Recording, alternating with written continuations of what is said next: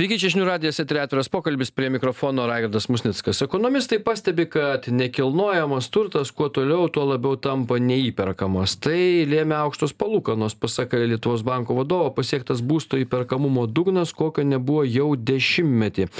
Nors kitose Europos šalise būsto kainos mažėja net ketvirtadėlį, Lietuvoje kainos kol kas laikosi, tačiau prognozuojama, kad jau turėtume atsispirti nuo dugno ir vėl pradėti būstą pirkti. Taigi, nekilnojamo turto prognozija prognozes kaip baigsime šiuos metus kas e, įdomaus e, nekilnojamo turto rinkoje apie tai ir pasišnekėsime šiandien čia studijoje. Su mumis mindaugas statulevičius e, lietuvos nekilnojamo turto plėtros asociacijos vadovas ir arnoldas antanavičius nekilnojamo turto analitikas. Sveiki. Rytą. Sveiki. Tai čia mindaugai visokių forumų priorganizuota buvo lietuvos bankas organizavo ir visa kita. Kokios čia kokie matymai kas svarbiausia dabar nekilnojamo turto? Dėl to kad rinkoje dėl to kad iš tikrųjų na, įperkamumo dugnas. Gal čia gerai, pagaliau galima atsispirti nuo dugno.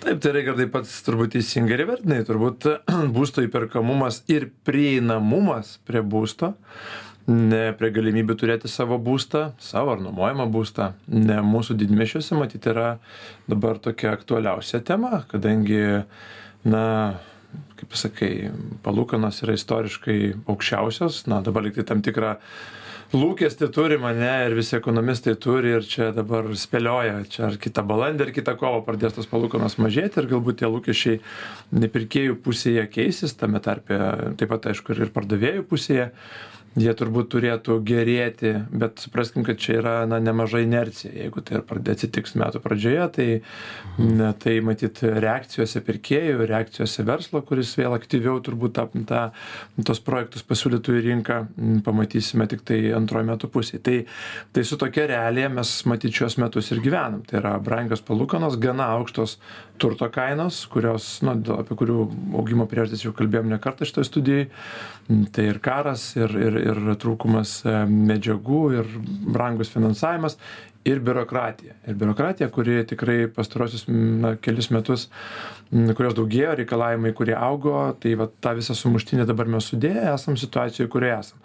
Ir įperkamumo dugnas ar jis yra gerai ar blogai nežinau turbūt nėra labai gerai. Visos valstybės dabar ir didmiesčiai ypač kalba apie tai kaipgi tą įperkamumą gerinti kaip jį didinti kaip jį spartinti ar didinti pasiūlą ar ten lenkų modelis kompensuoti dalį palūkanų ane žmonėm ne tarkime ta dviejų procentų palūkanų programa na kuri irgi aišku sukelia tam tikrų įtampų ir iššūkių nes jinai iš dalies prisideda prie turto kainų augimo nes sektoriuje susidaro trumpuoju laikotarpiu tokia situacija kuomet kuomet kainos kyla.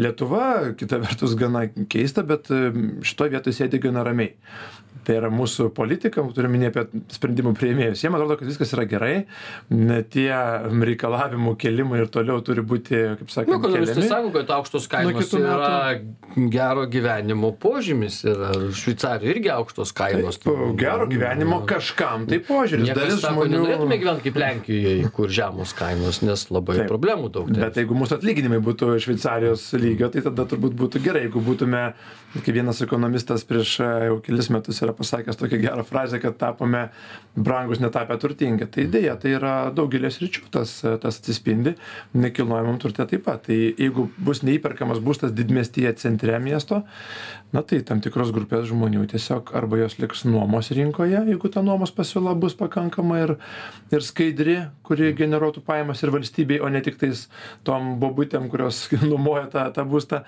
ne arba kitiem veikiantiem šešėlyje bet ir bet ir valstybei tai va tai overall bendrai kalbant na reiktų galvoti apie tai kompleksiškai ir valstybė turėtų suprasti kad šituo sunkiuoju laikotarpiu mindaugai iš esmės vystytojai įšaldė kainas sakykim laiko ir ir ir būsto pasiūlą tai gal kažkaip nu ten atsiranda dabar visokių pasiūlymų šalia to dar ten meškiuką tedį duoda jeigu perki būstą ar ką ten dar eglutę iškart pastato gal na turi būti judrus jo turi būti judrus turi kažką tai kažkaip tą rinką kaip sakant ne kažkaip parodyti savo aktyvumą nes žmonės na kažko laukia laukia, jie ateina į tas apžiūras, domisi, domėjimėsi, šiaip nekilnojamo turto šiemet nėra nukritęs labai, jis yra, bet žmonės ateina, pasižiūri, tada nueina į savo banką arba apeina kelias bankus ir sako, atsiprašom, bet kol kas paskolos mes negalim gauti. Tai, tai tokioje situacijoje ir esame. Ir natūralu, kad nt vystytojai tą pasiūlą yra sumažinę realiai. Jie yra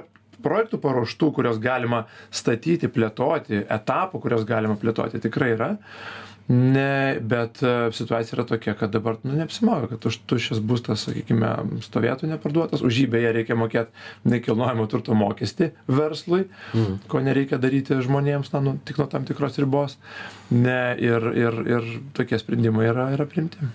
Arnoldai, tai, vat, tokia čia ta situacija ir na paties matymo kampas koks būtų? Dėl to kad iš tikrųjų mindaugas prie ko lenkia valdžia nepadaro sprendimų vystytojai irgi turbūt neturi per daug kažkokių tai galimybių padaryti. Ar norų gal labiau. Ar gerai. Aš pavadinčiau norais. Norų Bet labai suprantami norai, nes verslo lūkestis yra uždirbti pelną ir, ir vykdyti pelningą veiklą ir jeigu galima uždirbti daugiau, tai kodėl reikėtų uždirbti mažiau. Tai truputį tas man skamba, nežinau, ar kurioziškas čia žodis tinkamas, ar, ar taip keistokai, kai vystytojai kalba, kad leiskit didinti pasiūlą ir mes spręsim įperkamumo klausimą, bet kai vat, mm. galima didinti pasiūlą, tada sako jisai, nu, sorry, mums nelabai apsimoka statyti daugiau, nes mums tada reikės mažinti kainą.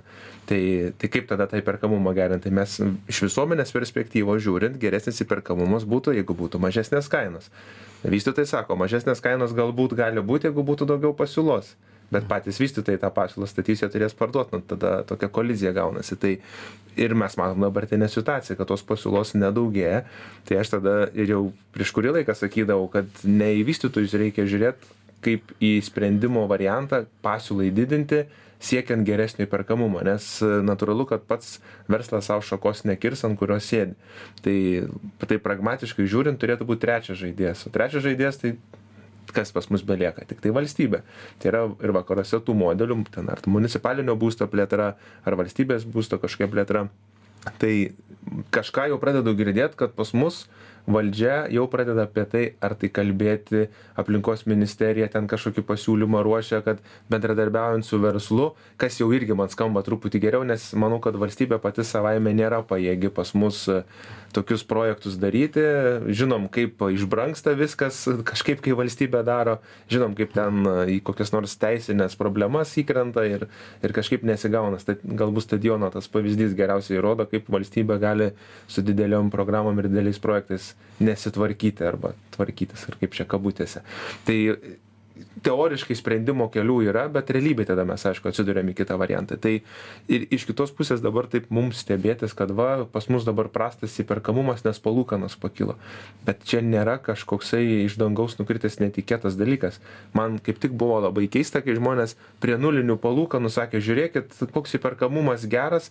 Skaičiavo įperkamumo paskolų gavimo galimybes prie nulinių palūkanų. Mhm. e, labai afišavo marketingavo kaip galima čia gerai pasiskolint ir kaip kaip čia pigu pirkti pigiau pirkti negu nuomotis įtraukdami tą argumentą ir mes visą laiką sakydavom kas kas konsultuoja ar ten per prezentacijas kad sakydavom žiūrėkit ilgalaikėj perspektyvoj euriboras keturi penki procentai jūs nusiteikit kad kažkada jūsų paskolos apie penkis procentus gali kainuoti tai mes tada atrodėm tokie kaip keistuoliai šnekam čia nesąmones nes euriboras nulis ir čia daug metų nulis.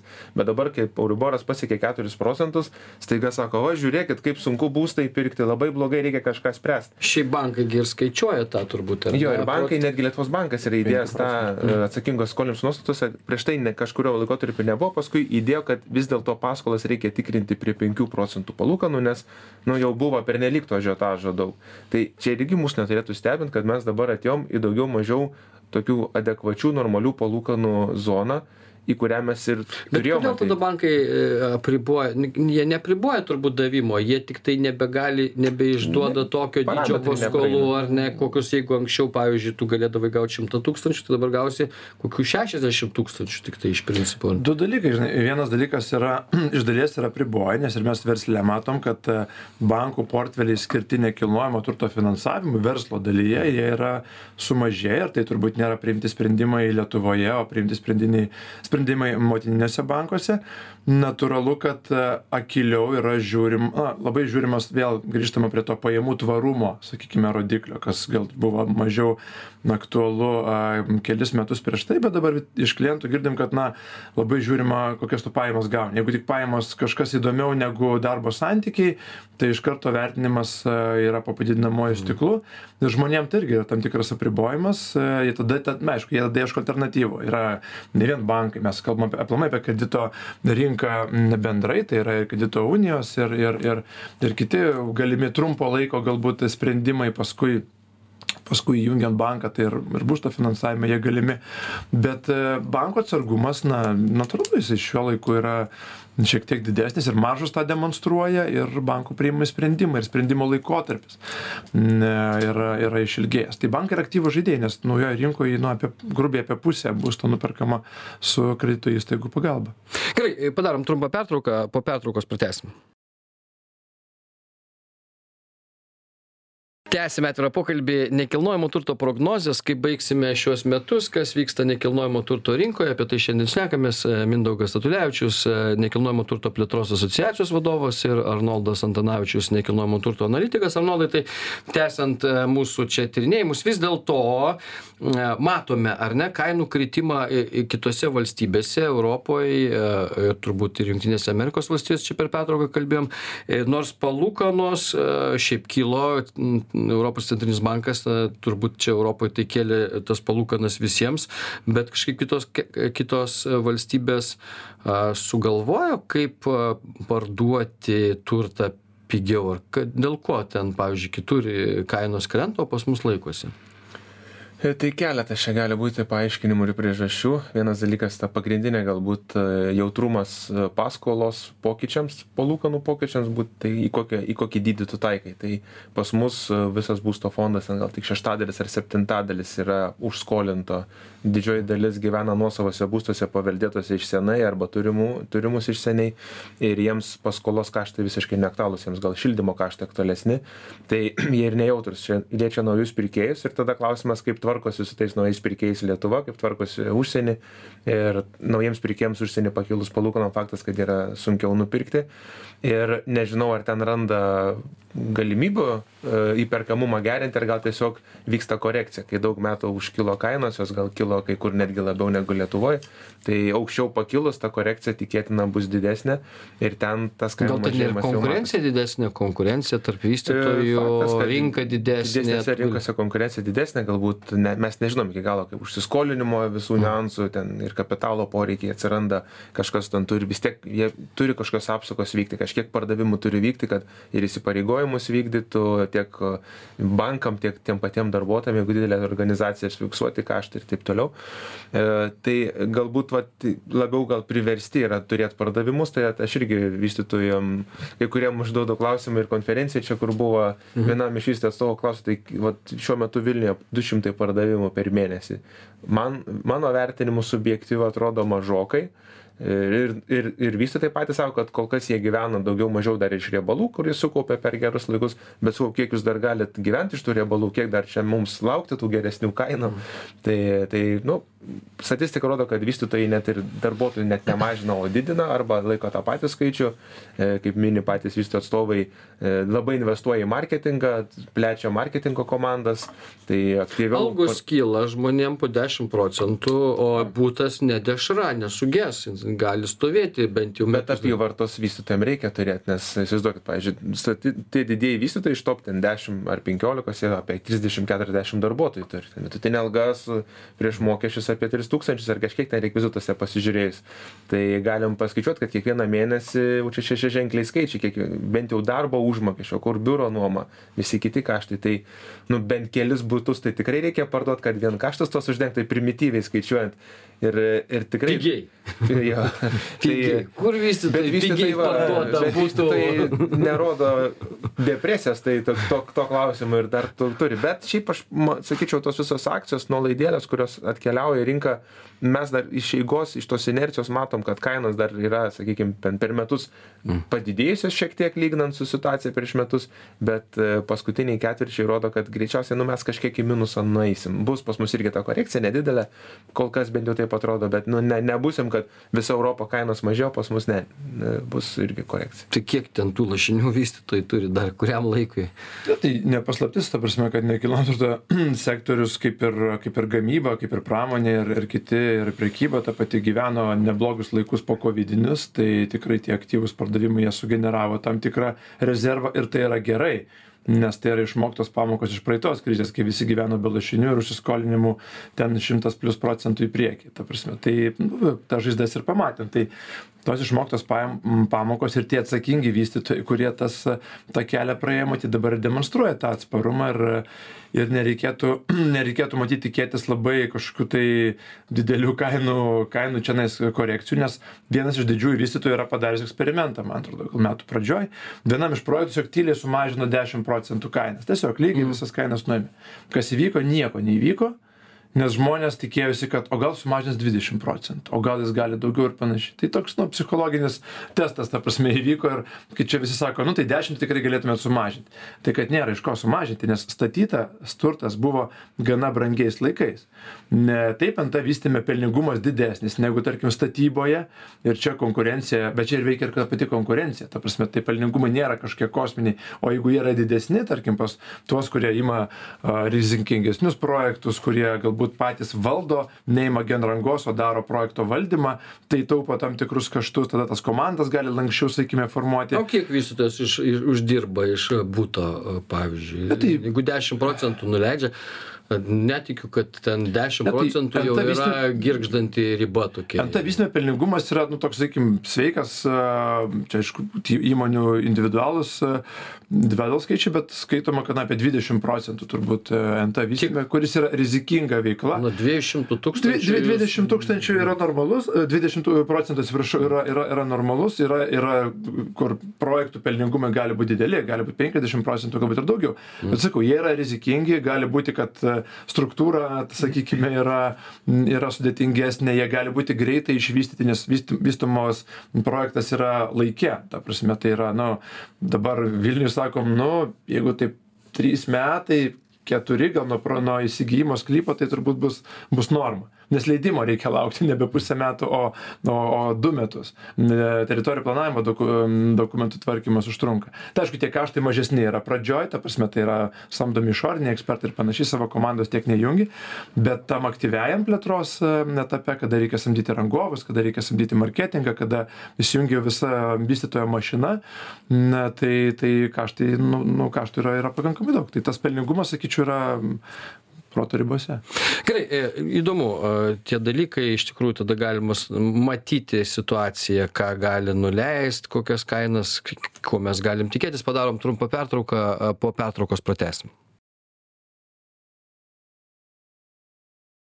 Tęsime atvirą pokalbį. Nekilnojamo turto prognozės, kaip e, baigsime šiuos metus. E, Ekonomistai pastebi, kad nekilnojamas turtas kuo toliau, tuo labiau tampa neįperkamas ir jau pasiekėme e, įperkamumo dugną. Tai gal atsispyrę nuo to dugno pradėsime gyventi geriau ir įpirkinėti būstą. Mm, Apie tai šiandien šnekamės. Mindaugas Tatulečius, nekilnojamo turto plėtros asociacijos vadovas ir Arnoldas Antanavičius, nekilnojamo turto analitikas šiandien mūsų laidoje. Arnoldai, tai tęsiant, e, vis dėlto e, labai keista, aišku, kad mm, e, kylant palūkanoms taip sustojo mm, į įperkamumas būsto dėl to kad ką mes matom ekonomikoj ekonomika e, taip nestagnuoja turbūt smarkiai kaip čia į- galvojam mes kad taip jau e, algos vis tiek dešim procentų kyla tai turbūt kyla daugiau negu kad kyla palūkanos iš esmės. Ir žmogus gali gal pirkti tą būstą bet ar čia yra kažkokios mūsų lietuviškos ten baimės inercija ar to tokio a, būsim gudresni to lietuviško gudrumo kad nu jeigu kyla nu pakentėsim čia metus bus pigiau sulauksim kada bus pigiau. Jeigu bus pigiau. Vat klausimas yra Jo, manau, teisingas pastebėjimas, tas baimės inercija, kaip, kaip pavadinai, dėl to, kad e, pasiskolinti ta kategorija žmonių, kurie pirko anksčiau su paskolom ir dabar, labai stipriai nepasikeitė, nes tarkim tie, kas uždirba vidutinį atlyginimą ir daugiau, jau gali eiti į banką ir kažkokios paskolos tikėtis. Tai tarkim ten 2000 eurų į rankas uždirbantis žmogus tiek prie nulinio euriboro, tiek prie dabartinio euriboro, iš esmės jis gali pasiskolinti tiek pat, nes bankai, kaip ir minėjom prieš tai, ten atsakingo skolimo nuostatos jau apribodavo tam tikrą maksimalę sumą. Tai sumoje mes turim skirtingas euriboro situacijas bet žmogaus pajamos pavyzdžiui tos pačios arba netgi didesnės jis gali pasiskolint daugiau mažiau tiek pat bet kažkodėl nebesiryžta to priiminėt sprendimo skoli skolintis ir pirkti. Tai va čia jau tada prasideda manau psichologiniai dalykai ir ir ypač įmokos dydis kai išauga. Tai nes net kai buvo arnoldai nulinės palūkanos e, kas pirko būstus e, e, tai buvo taip reiškia rudenį klausė ką daryti pirkt ar nepirkt? Nu sako gali nepirkt bet pavasarį bus jau dešim procentų pigiau pavyzdžiui. Ir ir net tada kai apie kalbos jokios nebuvo apie čia didėjimą palūkanų ir taip toliau ir taip toliau net ir tais dalykais kasmet e, būstas pabrangdavo. Tai tikėtis kad sustos ir ir žmonės nu kažkaip čia e, algos kils e, ekonomika kils ir ir viskas vis tiek sustos. Vis tiek turbūt apsimoka pirkt dabar nes net pinigų kurių reikia pradiniam įnašui jeigu jau tu perki su paskola vis tiek reikės turėti kažkiek tai pradiniam įnašui ir tie pinigai per laiką nuvertėja turbūt. Tai be abejo tai čia keletas klausimų vienoj vietoj tai galbūt dar pabaigiant tą momentą kodėl ta rinka šiek tiek sulėtėjo tai gal aš nevadinčiau kad tie pirmo būsto pirkėjai e, kuriems būsto reikia kad jie ten iš esmės pasitraukia iš rinkos jie vis tiek ieško galimybių kaip nusipirkti. Ir mes matėm e, banko vieno atstovo pranešimą lietuvos banko konferencijoj kuris rodo kad padaugėjo paskolų gavėjų, kurie ima paskolą ne kaip vienas žmogus, o ten mm. su kažkokiais bendraskolininkais ir labai išaugo kategorija ten berots nuo 40 iki 60 metų. Tai man iš karto tokia mintis, tikriausiai tėveliai atėjo į pagalbą vaikams, kuriems truputį trūksta e, kažkokių pajamų paskolai gauti, padaugėjo pagalbos, kad vaikai, kuriems būsto reikia, jie vis tiek kažkaip turėtų tą būstą savo. Kas nutiko, dėl ko rinka labiausiai sustojo, tai mano vertinimu atsitraukė tie ne pirmo būsto pirkėjai, kurie turi... Spekul kai kam nepatinka, kai, kai aš vadinu spekuliantais, dabar specialiai stengiausi privengti, bet vat, jūs vis tiek man tą žodį įdėt, nes kiti labai pyksta, kad va, aš vadinu juos spekuliantais. Bet jie iš tikrųjų yra spekuliantai, nes kai geri laikai, vat, jie čia zujo toj rinkoje, pirko, kaitino rinką, kainos kilo ir džiaugiasi kainų kilimu, staiga Euriboras pakilo, atsirado alternatyvos obligacijos, e, kitos investavimo priemonės pelningesnės, jie tą nekilnojamo turto rinką pamiršo ir jiems nebeįdomi, kol jinai vėl neparodys kažkokių gyvybių gyvybingumo ženklų. Tai jie paėmė ir pabėgo iš tos rinkos, bet užkeltas kainų lygis liko. Ir tas kainų lygis liko pirmo būsto pirkėjams, apie ką aš tai ir kalbėdavau, kad reikia truputį kažkaip pažaboti tos variantus, kai, kai tik laikai gerėja, atbėga, pasiema dalį pelno, išbėga ir jie, bet sako, mes sumokam mokesčių, mes dar kažką, nu tai padarot, bet pirmo būsto pirkėjams tai labai apsunkina gyvenimą. Ar tikrai taip jau į tos kainos užkeltos? Dabar reikia pasižiūrėti, kiek, nu, kiek čia visokių aš... 60 procentų per paskutinius du metus po pa, pa, pandemijos. Ne, nu, tai, tai galima buvo kažkada per būstą nusipirkti būtą už 20 tūkstančių litų, tai ar ten mm. dar kažkaip.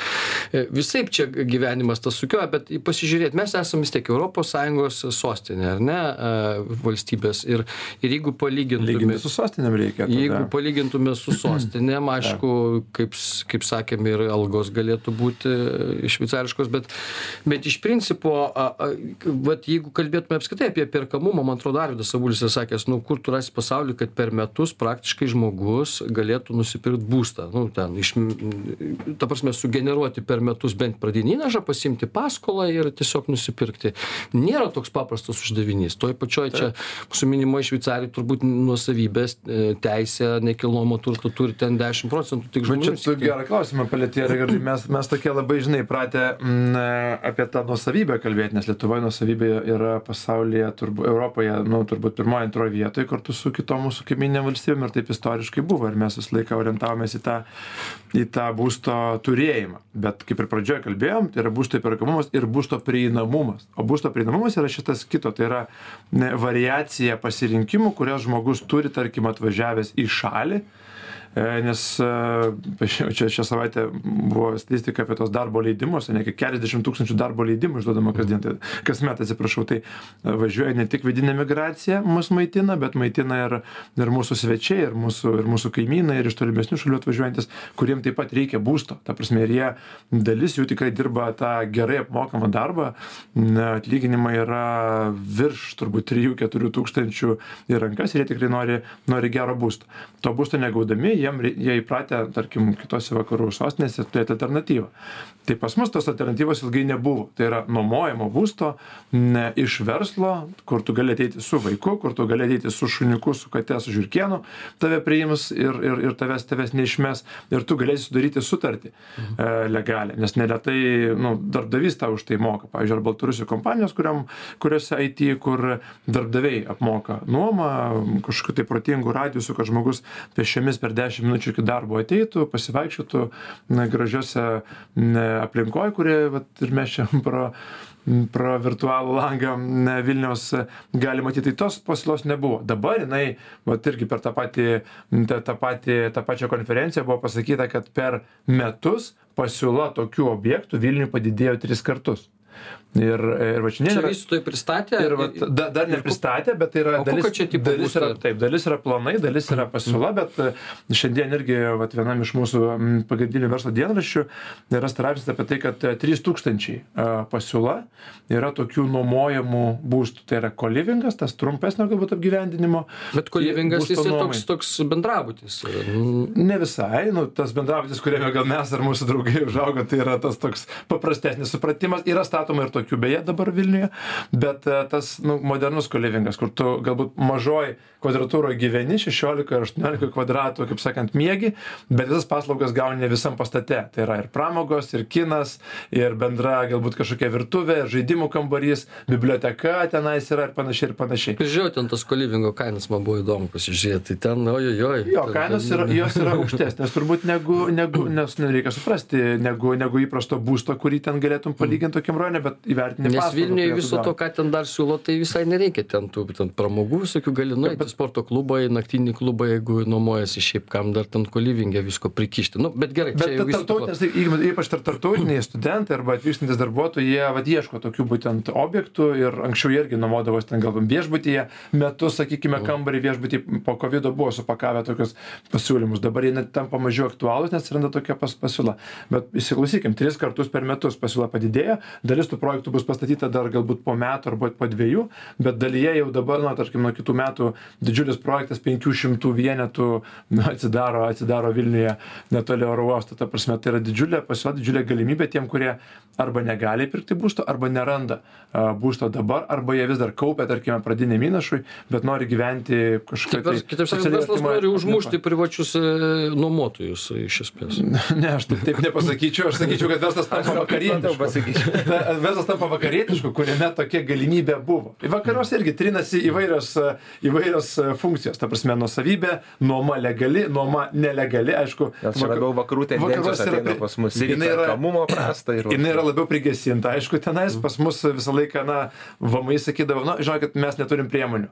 Mes negalim a, sumečinti arodo skelbimų su duomenimis ten pardavimu arba arba nuomų deklaruojamų, mes negalim ten tų, tų mokesčių na, kažkaip administruoti arba išstatyti, arba daryti patikrinimus ir panašiai. Tebūnė, negalim, tai negalim. Tai verslas čia ateina į pagalbą valstybei. Mes darom le, e, legalią nuomą, kurioje valstybei labai lengva nardyti ir narstyti ir susirinkti mokesčius.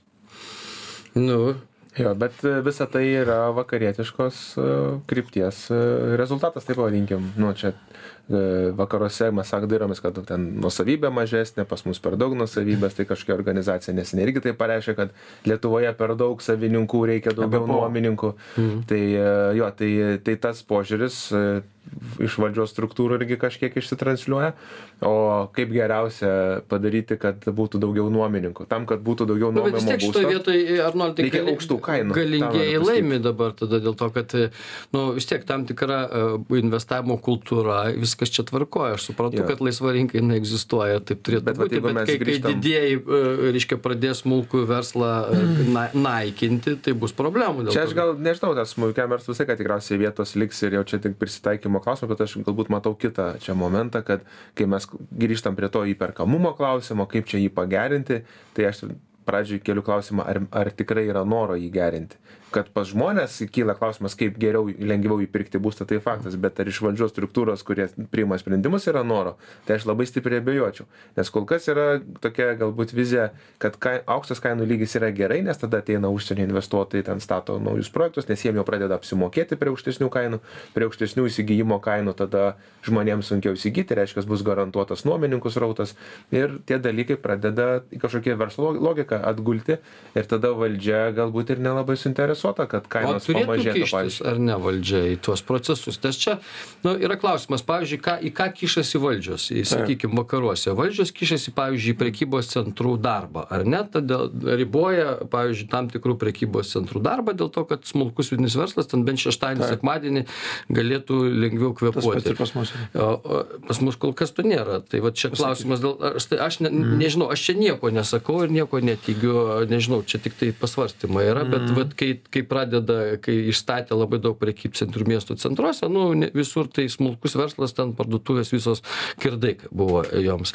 Tai vat šitoj vietoj ar nebus problemos ir kažkokio paskui ten nepasitenkinimo? Galiu abiem klausimais ir dėl prekybos centrų ir dėl ir dėl tos pasiūlos ir ką ką valstybė daro ir ką gali padaryti ir ko dar nepadaro.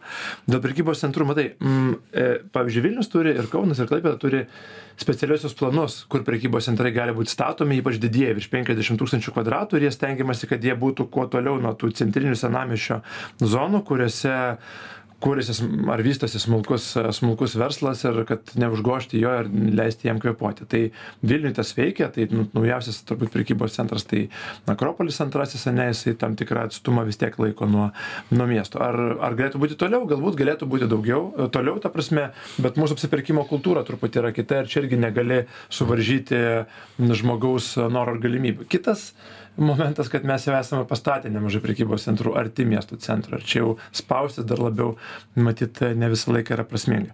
Kitas dalykas yra prekybos nu prekybos ne centrai o parduotuvės kurias mes neretai prekybos centrais vadinam nors tai tūkstančio kvadratų ar ten penkių šimtų kvadratų parduotuvė mes sakom čia vos ne prekybos centras.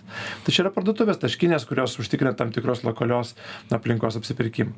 Dabar dėl pasiūlos ir ir valstybės tai aš sutinku su arnoldu kad turėtų būti daroma daugiau ir valstybei turi rūpėti. Ir visur tai rūpi. Lenkijoj mes matom gana aktyvią intervenciją valstybės ane per tą pa paramos palūkanų dalinio kompensavimo programą.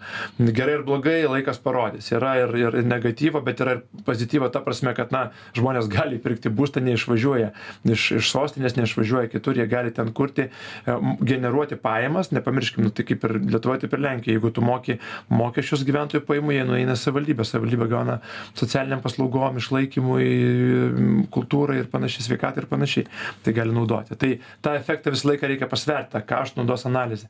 Tu duodi taip mes visi prisidedam prie to bendro gėrio bet visi kažkiek tai ir gaunam. Tas perskirstymas turėtų būt efektas įvertintas.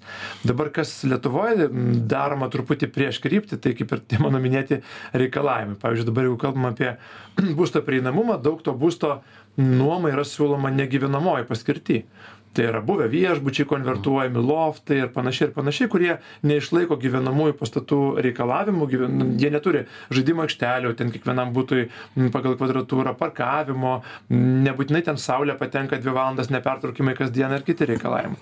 Aš nidoj garaže gyvenau kai man septyniolika metų buvo kažkokiam rūsy pusrūsy garaže. Ar jauteisi nelaimingas tuomet ne tai va tai e, tai mes mes sakom žiūrėkit nuo to kas kur nori šit- šitam taip tai būtent palikim galimybę informuokim žmogų kad jisai tarkim įsigydamas būstą nuomai mažesnį būstą bet centre lokacijoj čia kur jis iki darbo gali na nukeliaut ir paspirtuku greit nuvažiuot vasarą kad jisai turės tam tikrus apribojimus mažiau saulės neturės parkavimo vietos ko nemažai kam ir nereikia. Kolivinge jeigu pasižiūrėsi penki šimtai vienetų suplanuota būstų ten turbūt kokių dvidešim trisdešim parkavimo vietų. Ne pagal normatyvą turbūt turėtų būti apie tiek priklausomai nuo miesto zonos. Nereikia žmonėm to parkingo. Iš karto galima piginti statybą galima piginti ne tą pasiūlą. Kaip sakai kolivingą jeigu palygini tai ten su būstų nuomai skiriasi ane? Tai skiriasi taip nes nes tu turi daryti reikalavimus kurie artimi gyvenamajam. Ir tada ekonomika gaunasi sunkesnė. Tai jeigu valstybė tik pabaigiant e, raigardai šiuo metu kaip tik yra kalba apie tą būtent e, paskirčių klausimą jeigu būtų atsižvelgiama ir žiūrima į tai kokie poreikiai dabar yra net ir reikalavimai neskubama jų diegti tai tarkim nuo kitų metų o perkeliama dviem trim metam tas etapiškumas išdėliojamas tai pasiūlai tikrai turėtų labai teigiamą efektą.